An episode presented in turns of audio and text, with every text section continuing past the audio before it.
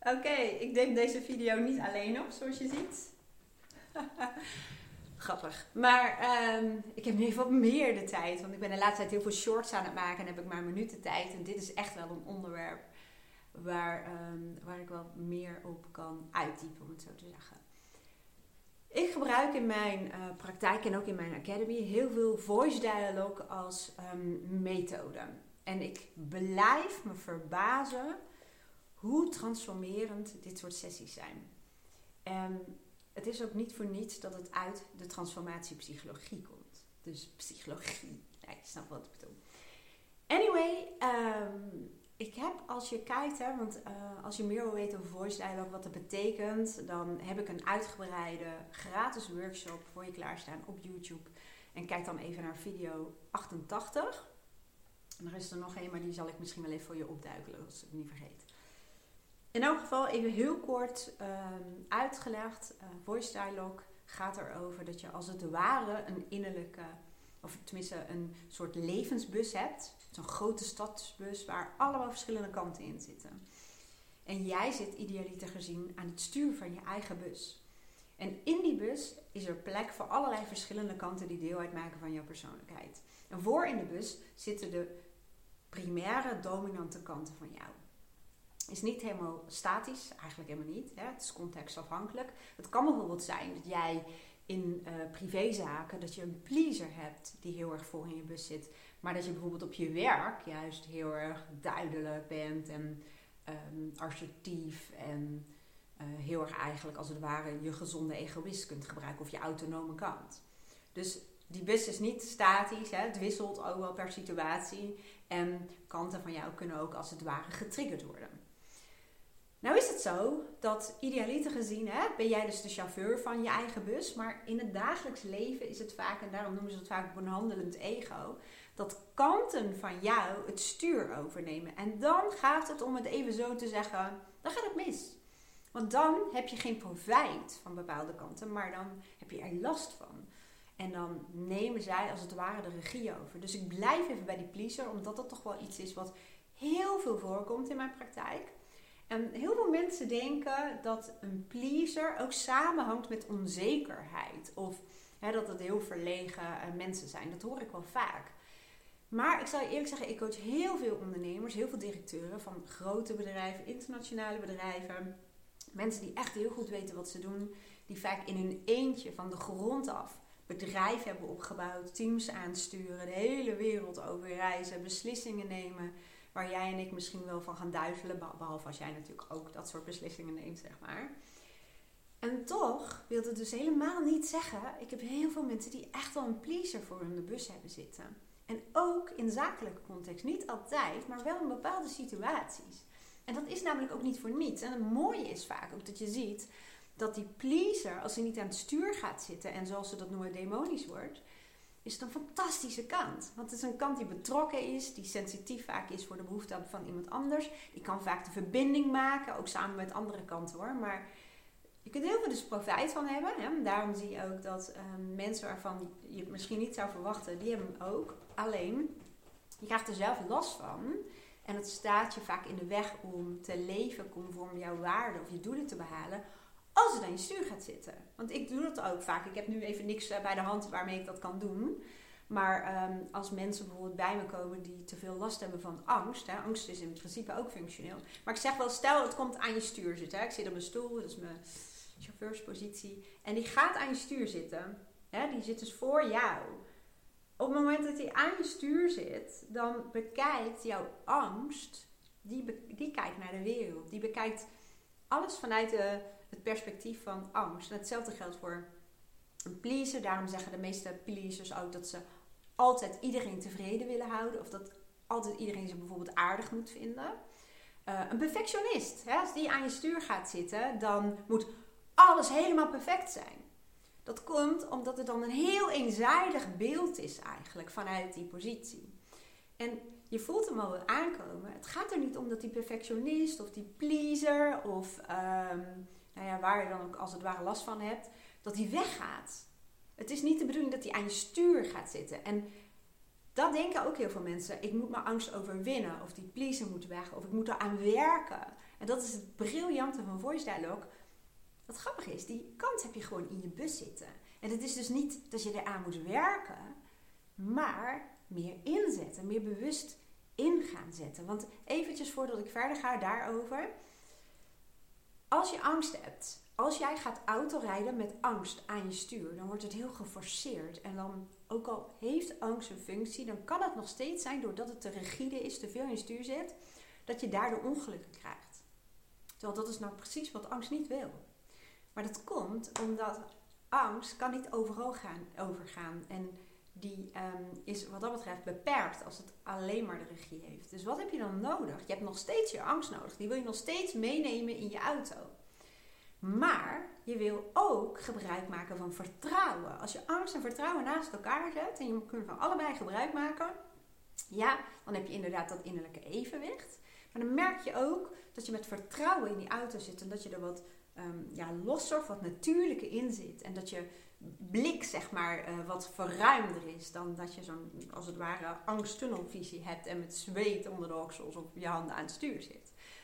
Um, en nou zei ik, ik ga zo verder met dat ene, want ik wil eerst dit zeggen. Moet ik even denken, wat was dat ook alweer? Dat is ook een kant van mij. Nu haal ik dus eigenlijk even mijn, ja, wat is dat voor kant? Een kant die heel gestructureerd kan zijn, haal ik erbij. Dus ik heb een kant van mij, die is heel enthousiast en associatief. En die wordt getriggerd en die legt verbanden en die kan zo van de een naar de andere kant schieten. Maar als ik alleen maar die aan zou zetten, zullen we maar zeggen, of in de podcast mee zou nemen, ja, dan kun je je wel voorstellen, dan wordt het één grote, ongeorganiseerde bende en dan ben je al lang afgehaakt. Want je hebt geen idee waar ik het over heb, want ik heb het overal over. En daarom heb ik ook een gestructureerde kant, een kant die mijn uh, richting, mijn doelen, mijn intentie um, in de gaten houdt. En die helpt me hierbij. Die zet me als het ware weer van, je bent even afgeslagen. Ik zet je weer even op de hoofdweg, zodat jij um, je boodschap over kan brengen. Of de mensen kan inspireren. Want snappen ze er echt geen ene bal van. Goed, die zet ik dus nu even in. En die weet wel waar ik gebleven was. Want die weet namelijk dat ik wilde gaan zeggen... dat um, als je een kant aan je stuur zet... en als je ja, die kant als het ware onbedoeld, onbewust raadpleegt, dan is het net als dat je bijvoorbeeld naar de groenteboer gaat en dat je vraagt of ze nieuwe sokken voor je hebben. Of um, laten we eens verder kijken. Dat je naar de bakkerij gaat omdat je een stofzuiger nodig hebt. En dat klinkt voor de hand liggend. Ja, ik weet het. Ik weet dat jij zegt, natuurlijk ga ik niet naar de bakker voor een stofzuiger. Ja, ze zullen er zijn, maar goed. Maar um, dat is wel vaak wat we innerlijk doen. En als jij een leidinggevende bijvoorbeeld bent, of uh, bent, je bent het niet, maar je hebt een leidinggevende functie, zullen we maar zeggen. En um, laten we even dicht bij mij blijven. En je stuurt bijvoorbeeld een online uh, afdeling aan. Um, en daar zitten bijvoorbeeld schrijvers, webredacteuren.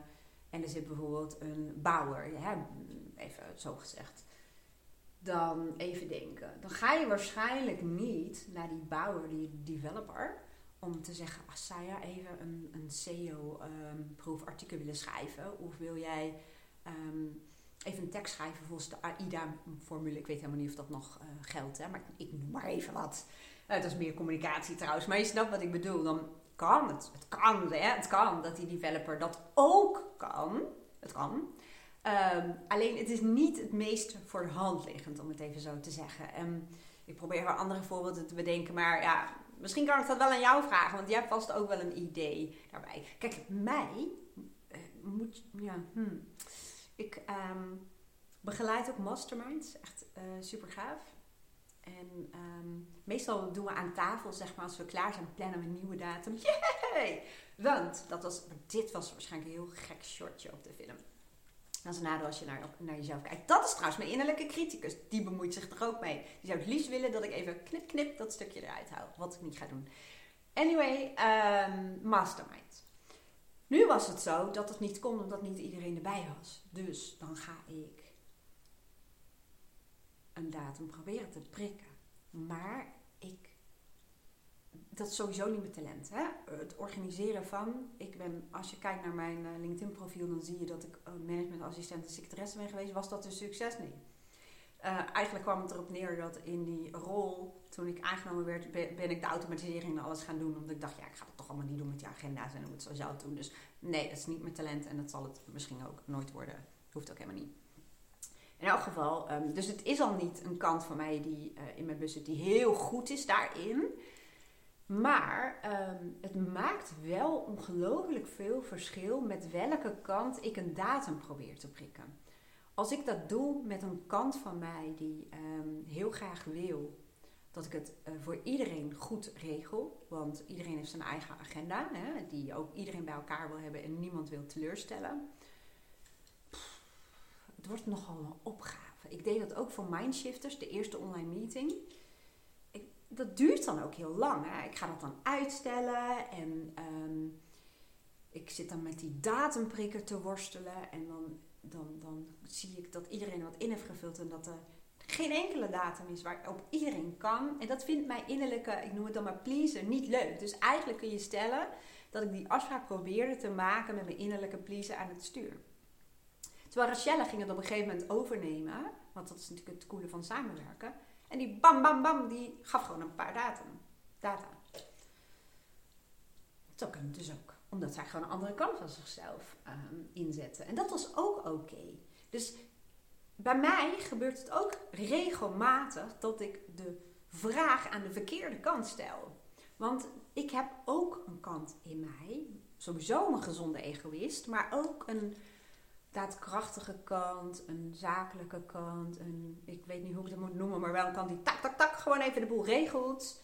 Um, en als ik die als het ware even zou activeren of erbij zou halen, dus de vraag aan die kant zou geven, dan zul je zien, dan um, ben ik nog steeds niet een natuurtalent als het gaat om dingen organiseren. Want het is gewoon een talent, laten we even wel zijn.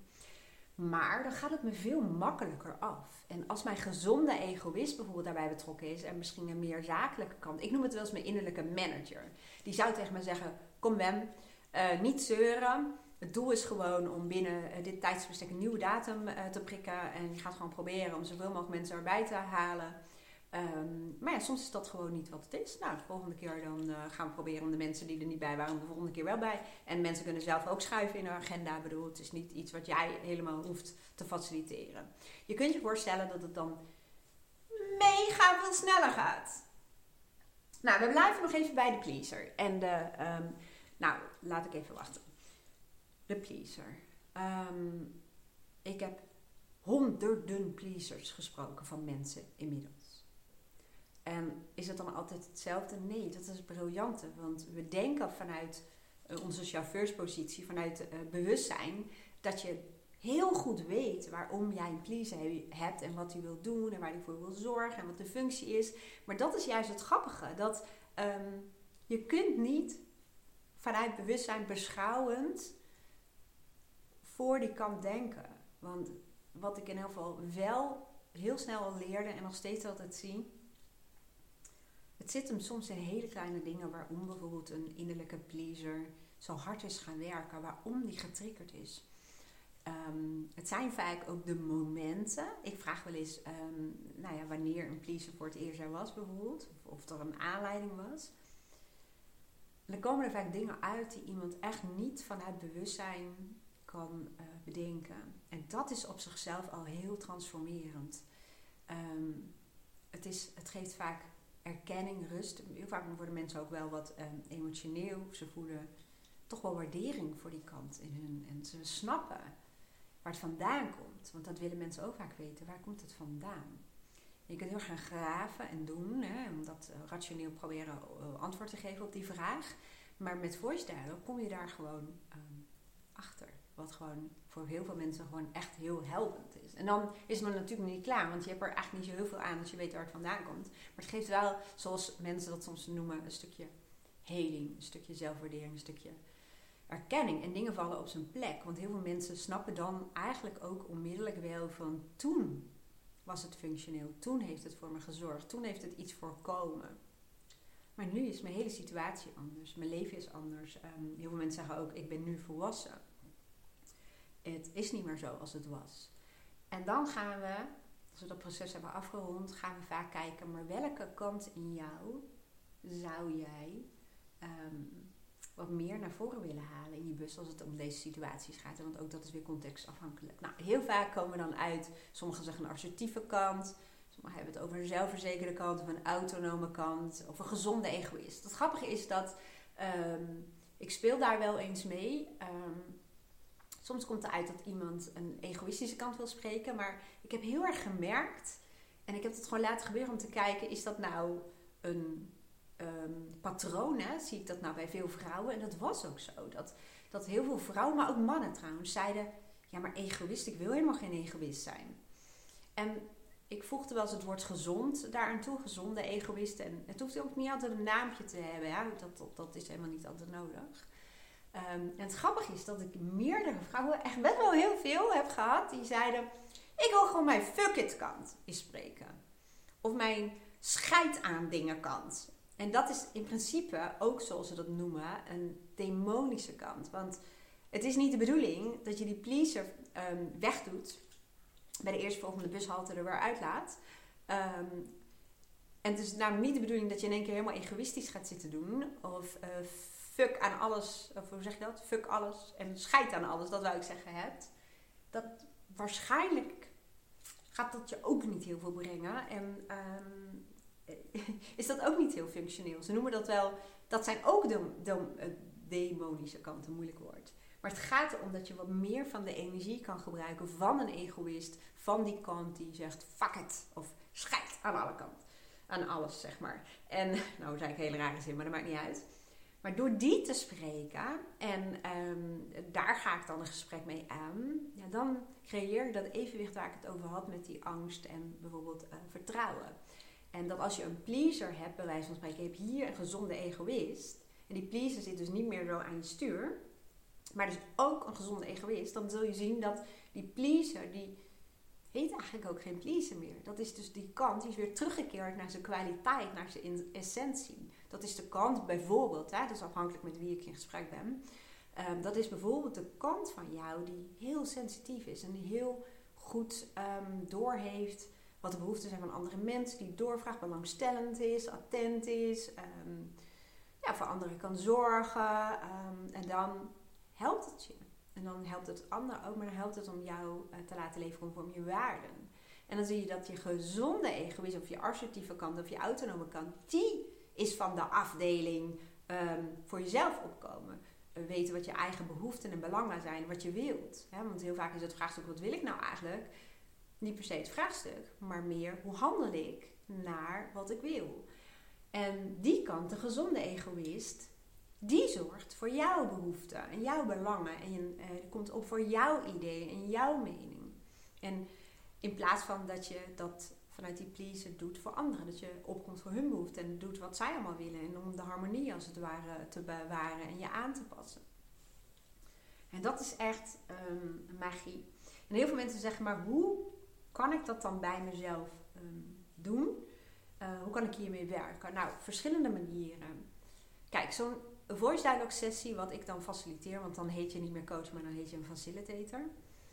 Dat kun je niet bij jezelf doen zoals ik dat bij jou kan of een andere voice dialogue facilitator. Ik zou daarvoor ook zeggen, het belangrijkste is, dat is ook in coaching zo, maar net zo goed als met voice dialogue, dat je dat doet bij een persoon um, die naar mijn inziens wel opgeleid is, maar goed, dat is weer een ander verhaal. Maar dat je dat doet bij een persoon waar jij een klik mee voelt.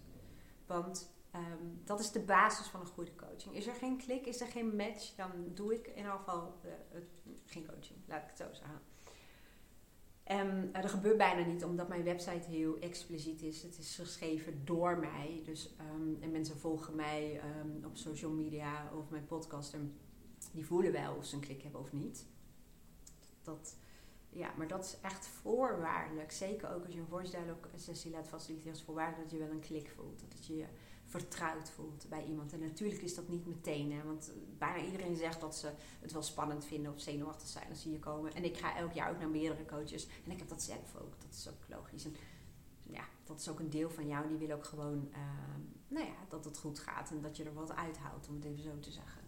Uh, wat nog meer? Nou, um, je kunt dus gewoon googlen op voice dialogue, voice dialogue coach, voice dialogue facilitator. Hè? Misschien voel je een match met mij en dan zeg je, nou, maak met jou een afspraak. Um, wat ook kan, want ik zei al van een voice dialogue sessie bij jezelf doen, dat kan niet, omdat je dat dan altijd vanuit een kant doet. Ja, dat is wel heel kort door de bocht, maar laat ik het zo zeggen. Ik gebruik voice dialogue Ehm, ook zelf. En hoe doe ik dat? Nou, bijvoorbeeld, en daar heb ik dus onder andere ook een programma voor gemaakt. Dus, dus de tweede manier waarop je met mij kunt werken. Dat is namelijk, ik heb een uh, voice dialogue programma gemaakt wat jou helpt om te ontdekken hoe jouw bus in elkaar zit. Van welke kant heb jij nou eigenlijk in je bus zitten? Welke zijn primair en dominant en welke zitten vaak aan je stuur?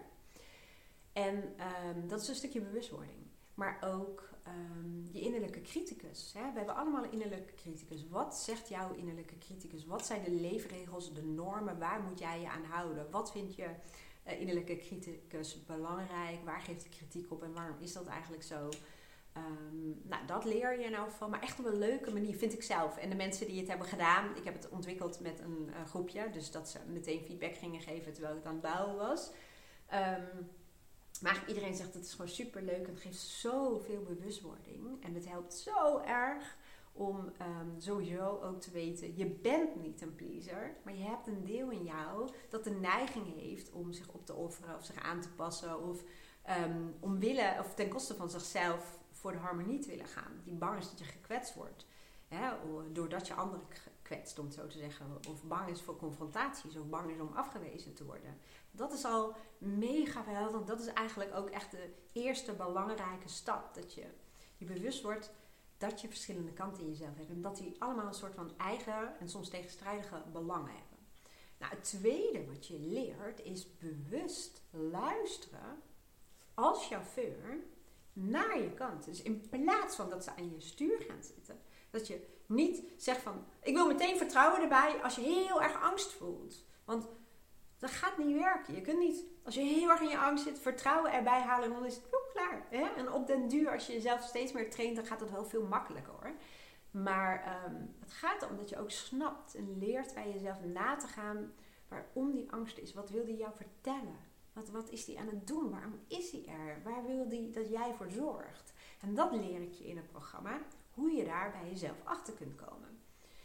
En um, vervolgens, als je dat hebt gedaan, dus oprecht luisteren naar het deel wat zich aandient. Ook al vind je het niet zo'n fijn deel. Hè? Emoties zijn functioneel, ze zijn er niet voor niets. Wij hebben ze als mens ook niet voor niets. En dan vervolgens ga je kijken, oké. Maar als we kijken bijvoorbeeld naar een bepaalde situatie of überhaupt naar je hele leven. Welke kant of kanten in mezelf zou ik wat vaker bewust willen inzetten? Welke kanten zouden mij wat meer gaan dienen? Of zorgen voor evenwicht? Of zorgen ervoor dat ik meer voor mezelf opkom? Of zorgen ervoor dat ik meer vertrouwen heb in mezelf, in de wereld, in mijn kunnen, in mijn veerkracht? Um, bijvoorbeeld, uh, heel veel mensen zeggen ik wil um, zelfverzekerder zijn bijvoorbeeld. Of ik wil wat losser zijn. Hè? Als je bijvoorbeeld een perfectionist hebt. En je weet wat die je komt vertellen, wat die aan het doen is, waar die voor wil zorgen dan zeggen heel veel mensen, maar dan wil ik nu ook graag meer gebruik kunnen maken van mijn lossere, zorgeloze, onbevangen kant. En soms ook je speelse innerlijke kind.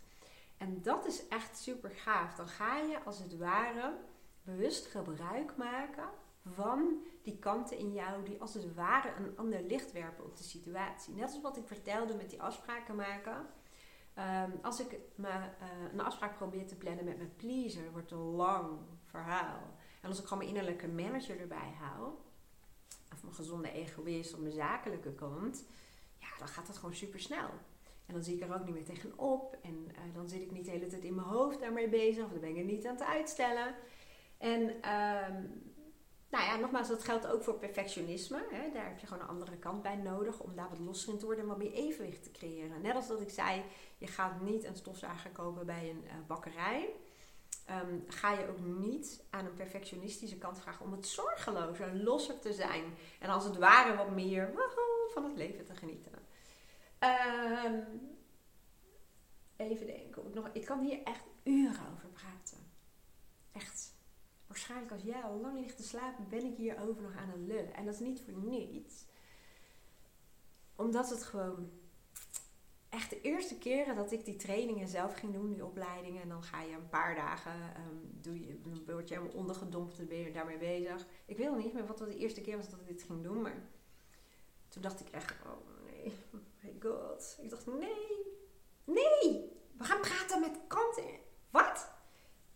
En ik zat er naar te kijken. Ik denk, yo, echt? Gaan ze me zo meteen ophalen? En, en dan word ik afgevoerd, want dit is echt...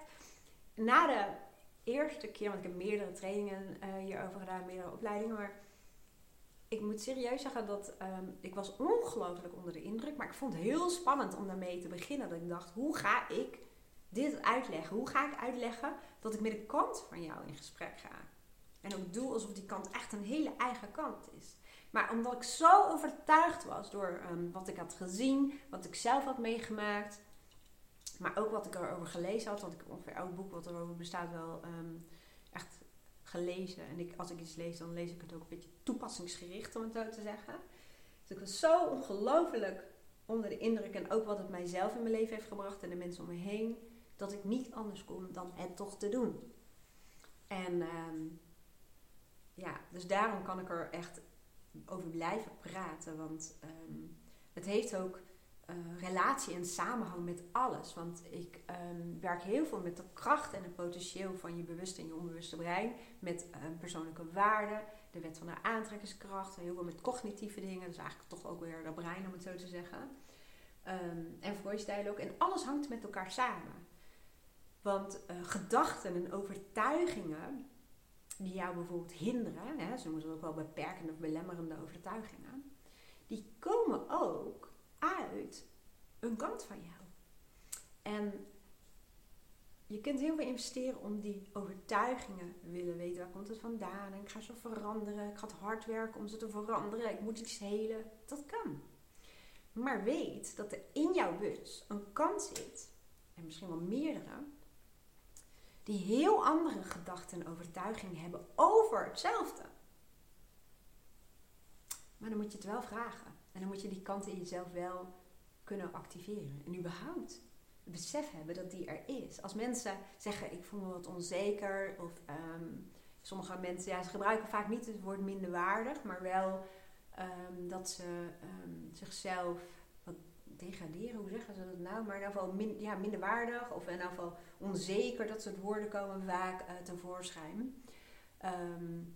En dan denken ze dat ze daaraan moeten werken, maar dan luisteren we samen naar wat die uh, onzekere kant te vertellen heeft en waarom die um, er is, om het zo te zeggen. En dan vervolgens gaan we eens kijken, ja, maar diegene heeft ook een kant in zich. Hè? Sommigen noemen dat zelfvertrouwen.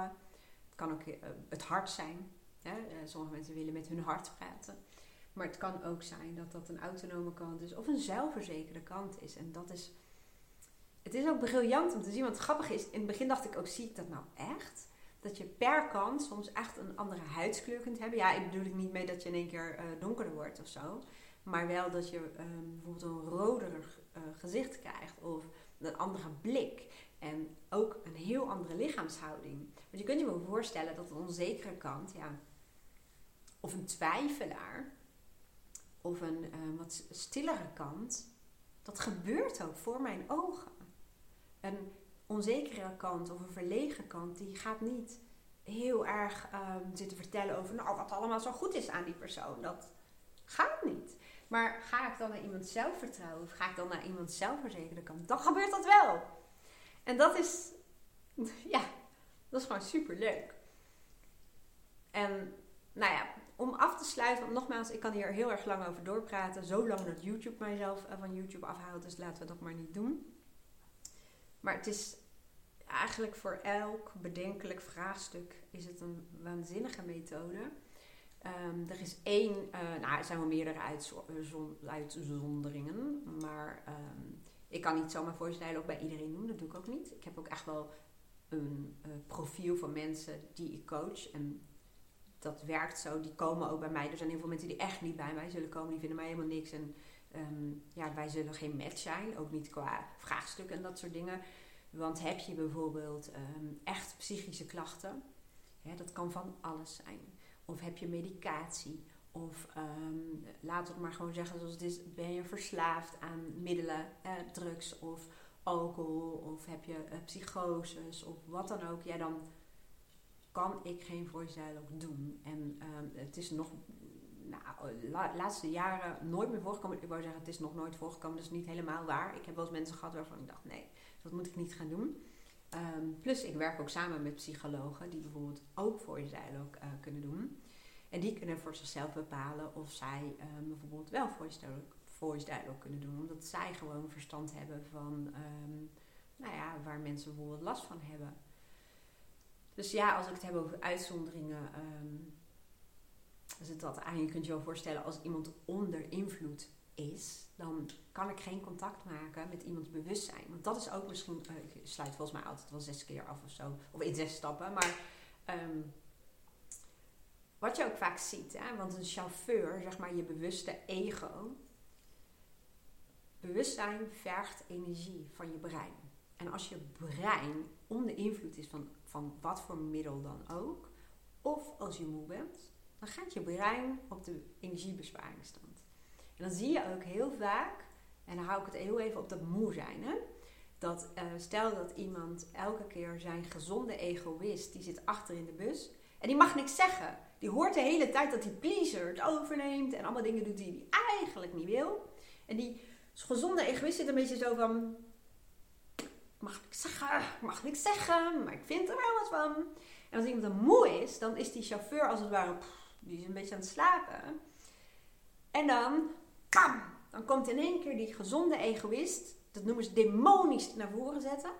Nou, en die kan uit zijn plaats gaan, want die al die woede, al die keren dat hij er niet mocht zijn, opgestapeld. En dan komen al die oude koeien uit de sloot. En dat heb ik gezien gebeuren. Ik heb ook heel veel relatiecoaching in het begin gedaan. Dat daardoor soms zelfs onherstelbare schade was in een relatie. En ehm, ja, dan komt het heel excessief, hoe heet dat? Komt dat eruit? Ze noemen dat dan uh, demonisch. Dus, um, hè, dus vermoeidheid, dan zie je ook vaak, dan komt in keer kant van jou eruit. Of van jou, van wie dan ook. Die bijvoorbeeld een heel kort lontje heeft. Of, uh, meer op zichzelf gericht is. En uh, nou ja, het zijn dus ook allemaal een soort van beschermingsmechanismen. Psychische bodycords, om het zo te zeggen. En als je chauffeur zit te slapen, ja, dan um, krijgen vaak kanten de ruimte die er anders niet um, mogen zijn. En dat is ook met alcohol. Daarom zeggen heel veel mensen dat ze alcohol nodig hebben om losser te worden. En dat kan, hè, nogmaals, nu wil ik het niet zeggen dat het altijd dezelfde soort kanten zijn. Maar het kan zijn dat je in je dagelijks leven dan misschien te veel de controle wil hebben. Ik heb bijvoorbeeld echt een innerlijke controleur die um, heel veel jaren aan mijn stuur heeft gezeten. Echt aan mijn stuur. Waardoor ik ook niet bij mijn gevoel kon. Niet goed bij mijn emoties kon. En um, eigenlijk niet eens goed wist wat ik wilde, wat ik voelde. Ik had, dat was allemaal vanuit die controlekant, uh, om het zo te zeggen. En dan zie je dat mensen die bijvoorbeeld een innerlijke controleur aan het stuur hebben zitten of heel dicht bij zich, of een, perfectionist of wat dan ook. Als ze dan alcohol drinken, dan worden ze losser. Hè? Dan gaat het bewustzijn een beetje. En dan komen de kanten naar voren die een stukje losser zijn. En die controleur, ja, die kan werken wat hij wil, maar die heeft, ja, dat gaat niet. En dan zie je um, dat er vaak andere kanten van iemand naar voren komen. En dat zie je ook vaak, en dan sluit ik af voor de zesde keer dan zeg maar.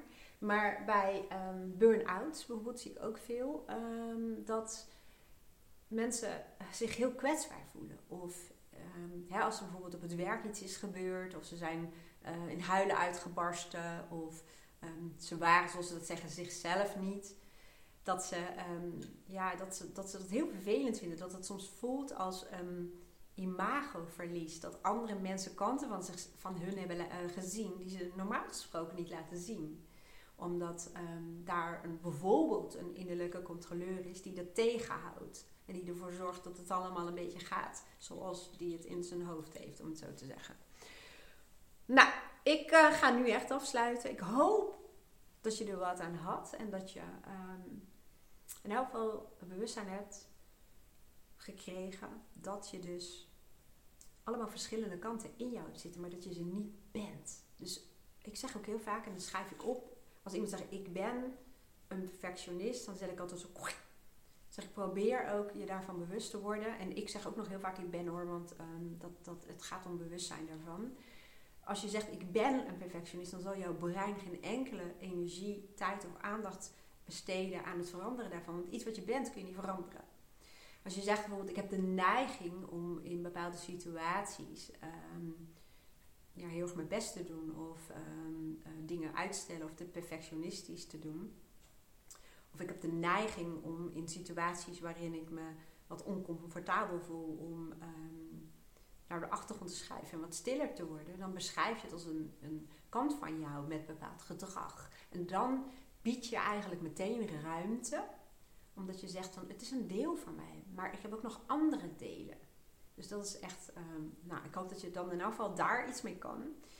En nogmaals, als je zegt van ik wil graag uh, voice dialogue zelf ervaren. Uh, sommige mensen vinden het ook best wel wat spannend, hè? omdat ze al horen met kanten praten. Oh, dat ligt zo buiten mijn comfortzone. Ik kan je vertellen, dat was het bij mij ook. Ik, volgens mij ga ik nog niet afsluiten, maar toen ik deze training ging doen, was mijn innerlijke controleur nog behoorlijk aanwezig. En dan zit je zo, je zit dan in een ruimte hè, met allemaal psychologen, therapeuten, coaches, um, noem het maar op. En die controleur was heel hard aan het werken. Die wou de regie overnemen over het gesprek. Dus ik vond het heel weird. Al kan ik je echt zeggen, en dat, dat, dat ik, ik zal niet zeggen dat ik het garandeer, want dat vind ik nogal iets om te zeggen. Maar uh, als ik vanuit mijn ervaring kijk, is het vaak een paar seconden, een beetje gek. En dan bam, zit je erin en dan nou, ga je gewoon magische dingen uh, meemaken, om het zo te zeggen. Maar het kan natuurlijk zijn dat je denkt, ik voel me daar helemaal niet zo comfortabel bij. Of um, misschien ben je wel net als ik, dat je zegt van ik vind het ook heel erg fijn. En ik heb ook de motivatie, sommigen noemen het discipline, om zelf dingen te doen. En dat zie je vaak bij mensen die, nou ja, net als ik ervan houden om bezig te zijn met zelfontwikkeling, dit soort video's bekijken. Die vinden het dan vaak ook leuk om een boekje erbij te pakken. En zelf um, dingen te gaan doen, omdat ze gewoon graag willen groeien en bewustzijn. En journalen bijvoorbeeld is ook natuurlijk iets waar je um, bewustzijn voor nodig hebt. Mediteren. Dus als jij zegt, oh ja, dat, dat heb ik wel in me en dat vind ik leuk. Dan is het online programma echt wat voor jou. En uh, je kunt altijd nog een losse voice dialogue sessie erbij boeken. Of um, ja, bijvoorbeeld uh, tijd bij mij kopen. Dat klinkt ook een beetje gek, maar uh, ik heb het niet meer op mijn website gezet. Want anders zat op een gegeven moment mijn agenda een beetje vol. Maar um, ik bied ook aan, ik doe dat dan nu vooral bij mijn klanten. Dat ze tussentijd bijvoorbeeld ook even kunnen whatsappen met mij. Of een mailtje kunnen sturen. Um, zodat ik ze ja, op dat moment help bij waar ze tegenaan lopen. Natuurlijk niet onmiddellijk, dat gaat natuurlijk niet, maar je snapt wat ik bedoel. Dus dat zijn altijd mogelijkheden om dat op een gegeven moment los bij te boeken.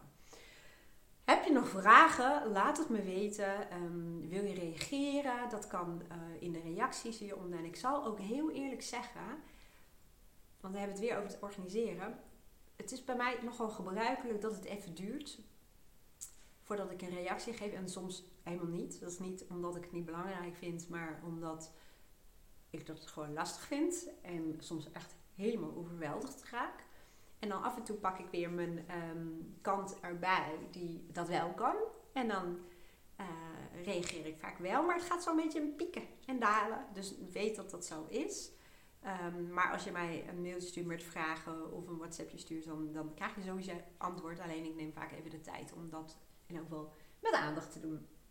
Alleen, uh, dat wou ik zeggen. Dus daar doe ik het wel. Um, alleen op social media, dat is het vooral eventjes een nuanceverschil.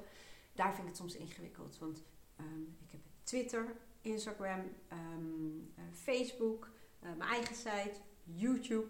En ik kom soms achter tapjes. Dan in één keer zie ik, oh, zit nog een tapje verzoeken. En dan zitten er nog heel veel mensen bijvoorbeeld met reacties. Of zie ik in één keer op YouTube dat er ook een onderdeel reacties is. Dus nou ja, vergeef me. Maar ik vind het wel heel leuk als je reageert. Dat sowieso. Ik wens jou een hele mooie dag. En heel graag tot de volgende podcast, video en nou ja, superleuk als je het programma zou willen doen. En uh, wie weet zie ik je een keer in levende lijven. Doei!